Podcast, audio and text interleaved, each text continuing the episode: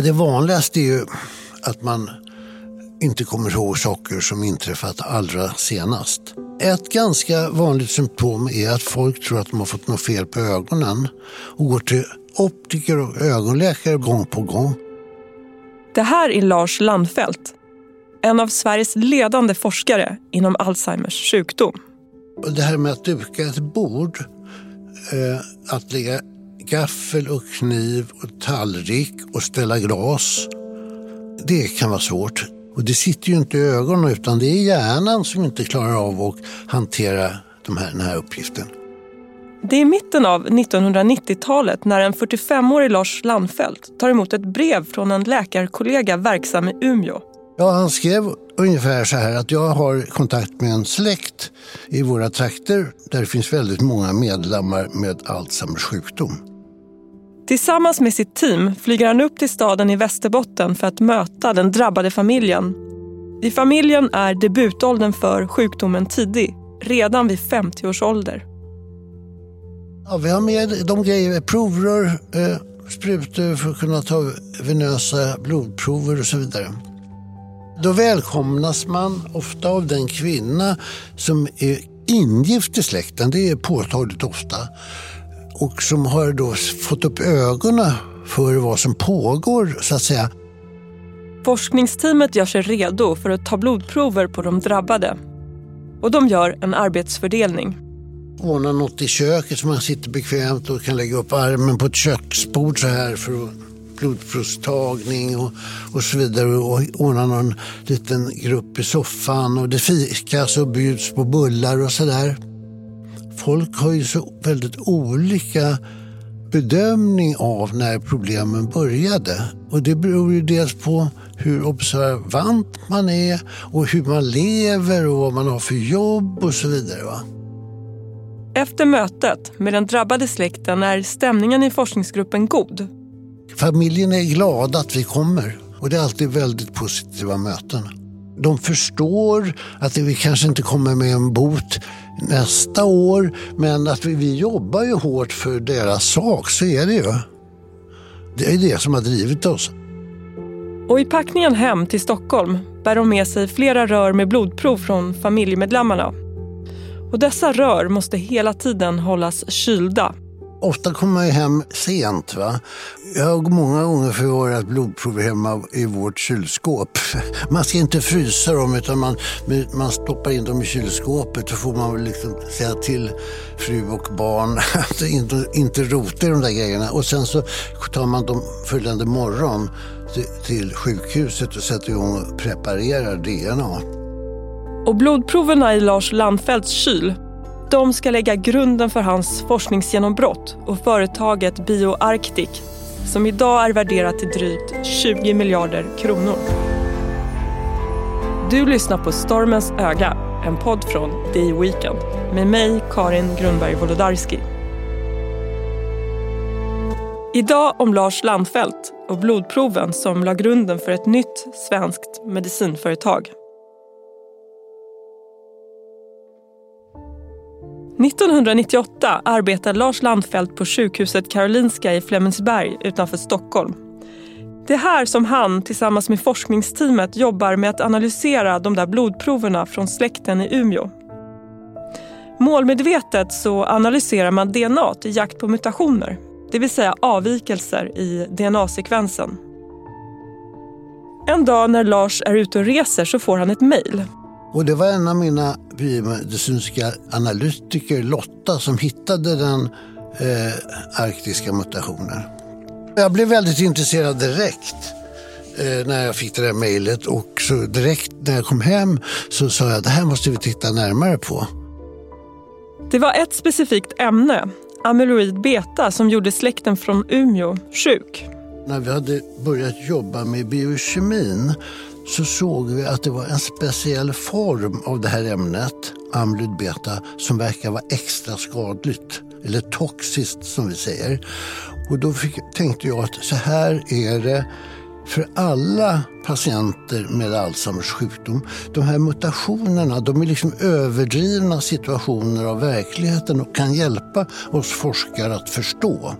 Så resonerar jag. Lars Landfeldts övertygelse är alltså att det är äggviteämnet amyloid beta som är skadligt vid Alzheimers sjukdom. Framförallt en särskild form av amyloid beta. Kroppens celler producerar amyloid beta hela tiden. Det går ut i blodet och bryts ner och försvinner. Men det bryts ner sämre och sämre ju äldre vi blir och vissa kan bli sjuka. Hos en del människor, speciellt när man blir äldre, då börjar produktionen hjärnan leda till att amyloid beta klibbar ihop sig så en molekyl blir två som blir större och större och större. Amyloid beta som inte bryts ner har tre stadier. Slutstadiet i placken, de långa trådarna, fibrillerna, de är antagligen inte heller speciellt skadliga för de är liksom inkapslade. De är inte metabolt aktiva som vi säger, det vill säga de är inte ute och, och joxar så mycket med andra celler och rör sig och så vidare. Men de här mellanformerna som har lite olika namn. Mellanstadiet som Lars berättar om, det brukar kallas för protofibriller. De är betydligt mindre och de kan, kan, röra sig och det finns en hel del indikationer på att det är just de som är de mest skadliga formerna. Nästa steg blev att försöka få fram en antikropp som riktade sig mot protofibrillerna.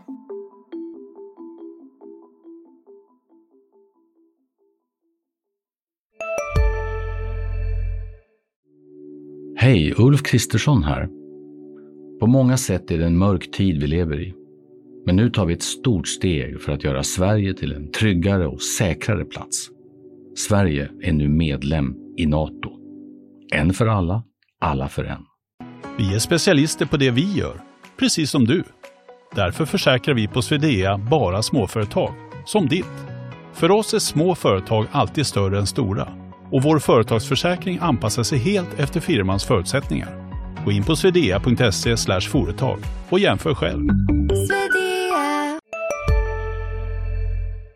I den här vevan fick jag en professur i Uppsala. Så jag lämnade Karolinska institutet och flyttade till Uppsala. Och det, det var för mig väldigt bra. Det är 2001. Lars Landfelt har hunnit bli 52 år och planerna på att kommersialisera forskningen tar form. Det fanns eh, forskarpatent i Uppsala som vi redan hade kommit i kontakt med som var otroligt hjälpsamma vi bildade bolaget 2003 men vi hade ju inga pengar. Eh, så att, men så fick vi pengar från Vetenskapsrådet och det var ju oerhört bra och väldigt tacksam för det. Vi fick pengar från Järnfonden och Alzheimerfonden också. Men så småningom fick vi fram den här antikroppen MAB 158 och det tog ett antal år ska jag säga. Det tog fem år, det låter väldigt lång tid. Jag tycker inte fem år är så lång tid. Det är mycket svårt att avlocka naturen dess hemligheter. Så är det. Alltså, medicinsk forskning är svår. Titta på alla misslyckanden som skett i Alzheimerfältet och i andra fält, speciellt när det gäller hjärnans sjukdomar. Det, det, är, det är extremt svårt. Och vad gjorde ni under de här fem åren då? Vi letade. Mer specifikt letade de genom att injicera protofibriller i möss. Och det där pågick i många år innan vi lyckades hitta det som vi kom att kalla för MAB 158, monoklonal antikropp 158. Och det är det som i humaniserad form, för att det är en musantikropp, man kan inte ge musantikroppar till människor, men i humaniserad form är det Eh, den antikropp som vi har nu. Men det här är inte den första mutationen som Lars Landfelt har upptäckt. Det är inte ens den första han har upptäckt som har patenterats med ambitionen att användas inom läkemedelsindustrin. Tidigt 1990-tal, innan Lars fått tipset om den där släkten i Umeå, så arbetade han med en grupp amerikanska kollegor. De upptäckte tillsammans det som blivit känt som den svenska mutationen. Och det var eh, eh, en person som förklarade för mig att du ska jag patentera det här men man kan bara ha ett namn på ett patent. Vilket inte är sant. Och det, men det visste inte jag då. Och det, det, kunskapen fanns inte i våra kretsar i, i, i Sverige. Det varit en jättelång strid på alla möjliga sätt som jag i grunden inte har följt speciellt noga. För jag tyckte det var så plågsamt allt det där som hände. Jag bestämde mig i ganska tidigt skede för att jag ska inte själv engagera mig i det där. Så att när, när nu eh, hittade den här arktiska mutationen, då tänkte jag genast, nu måste vi ta ett patent. Så revansch var en stark drivkraft här. Jag ville inte att det här patentet skulle glida oss ur händerna. Och det, det blev, jag tog, skickade in ett patent. Lars Landfelt ska också ta in sin nuvarande kompanjon i företaget. Per Gellefors har varit otroligt väsentlig för, för skapandet av bolaget Bioarctic. Gellerfors hade tidigare arbetat på Pharmacia men hade lämnat bolaget när det slogs ihop med Upjohn. Han och Landfelt de kände varandra sedan många år tillbaka. Så jag hade pratat med Per om det här och berättat lite grann om vad jag höll på med. Och eh, jag rekommenderade en patentbyrå och jag kontaktade dem och patentet gick in där, eller de tog hand om det så att säga. Och sen nästan ett år senare, våren 2001, då hörde Per av sig till mig och frågade om han fick vara med i projektet. Och då hade jag insett att jag behövde ha någon med annan erfarenhet och kompetens vid min sida. Så jag sa genast ja, du får vara med. Det är en otroligt spännande tid vi har framöver för det är tre stora studier som kommer bli färdiga och då är BioArctic först ut.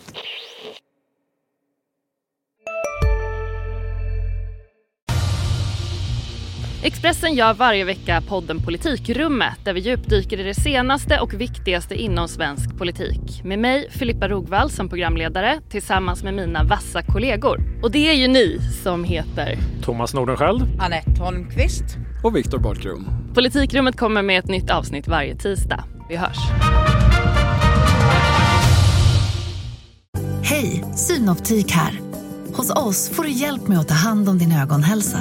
Med vår synundersökning kan vi upptäcka både synförändringar och tecken på vanliga ögonsjukdomar. Boka tid på synoptik.se. Att utveckla ett läkemedel mot Alzheimers sjukdom kostar ofantligt mycket pengar. Man brukar prata om en miljard dollar. Och det gör att man måste hitta en partner som kan ha de resurserna. Och det är också behäftat med ganska stor risk. Det är inte som att göra en ny modell av iPhone eller bygga en ny bil. Det vet man i stort sett från början att det kommer att gå bra. Men här är risken jättelik att det kommer att gå åt skogen. Och det är ju, även om inte jag trodde det, så de här som har pengarna, i vårt fall Eisai, eh, måste ju övertygas Eisai det är det japanska läkemedelsbolaget som BioArctic slöt ett samarbetsavtal med. Vi fick ett, först ett forskningsavtal 2005. Sen fick vi ett större licensavtal 2007 som i grunden beskriver hela vägen till världsmarknaden. Läkemedlet som hjälper till att bryta ner protofibrillerna måste nu genomgå en rad tester innan det kan godkännas. Sen började fas 1, alltså test på patienter, 2010. Fas 1 pågick till eh, 2013 och då startade fas 2. Den blev ganska långvarig, från 2013 till 2018. Och, men det var otroligt bra för det var en väldigt stor fas 2-studie. Och den var också väldigt genialt designad av Eisai eh, och på ett helt nytt sätt som gjorde att vi kunde få så mycket information så vi såg att det här verkligen funkade. Sen blir det dags för den sista fasen, fas 3. I fas 2 testar man olika doser, fem olika doser mot placebo. Och fas 3 2019 till 2022 och då var det en dos mot placebo, 50-50. Och då såg man, och kunde man upprepa de fina resultaten. Och läkemedlet det ska komma att godkännas av den amerikanska läkemedelsmyndigheten FDA. USA snabbgodkänner en ny Alzheimer-medicin som ska bromsa den kognitiva försämring som uppstår hos Alzheimer-patienter. Först fick man i början av året ett accelererat godkännande. Sen mitt under sommarledigheterna 2023 så får bolaget grönt ljus. Den snåriga och dyra vägen från forskning till läkemedel är över.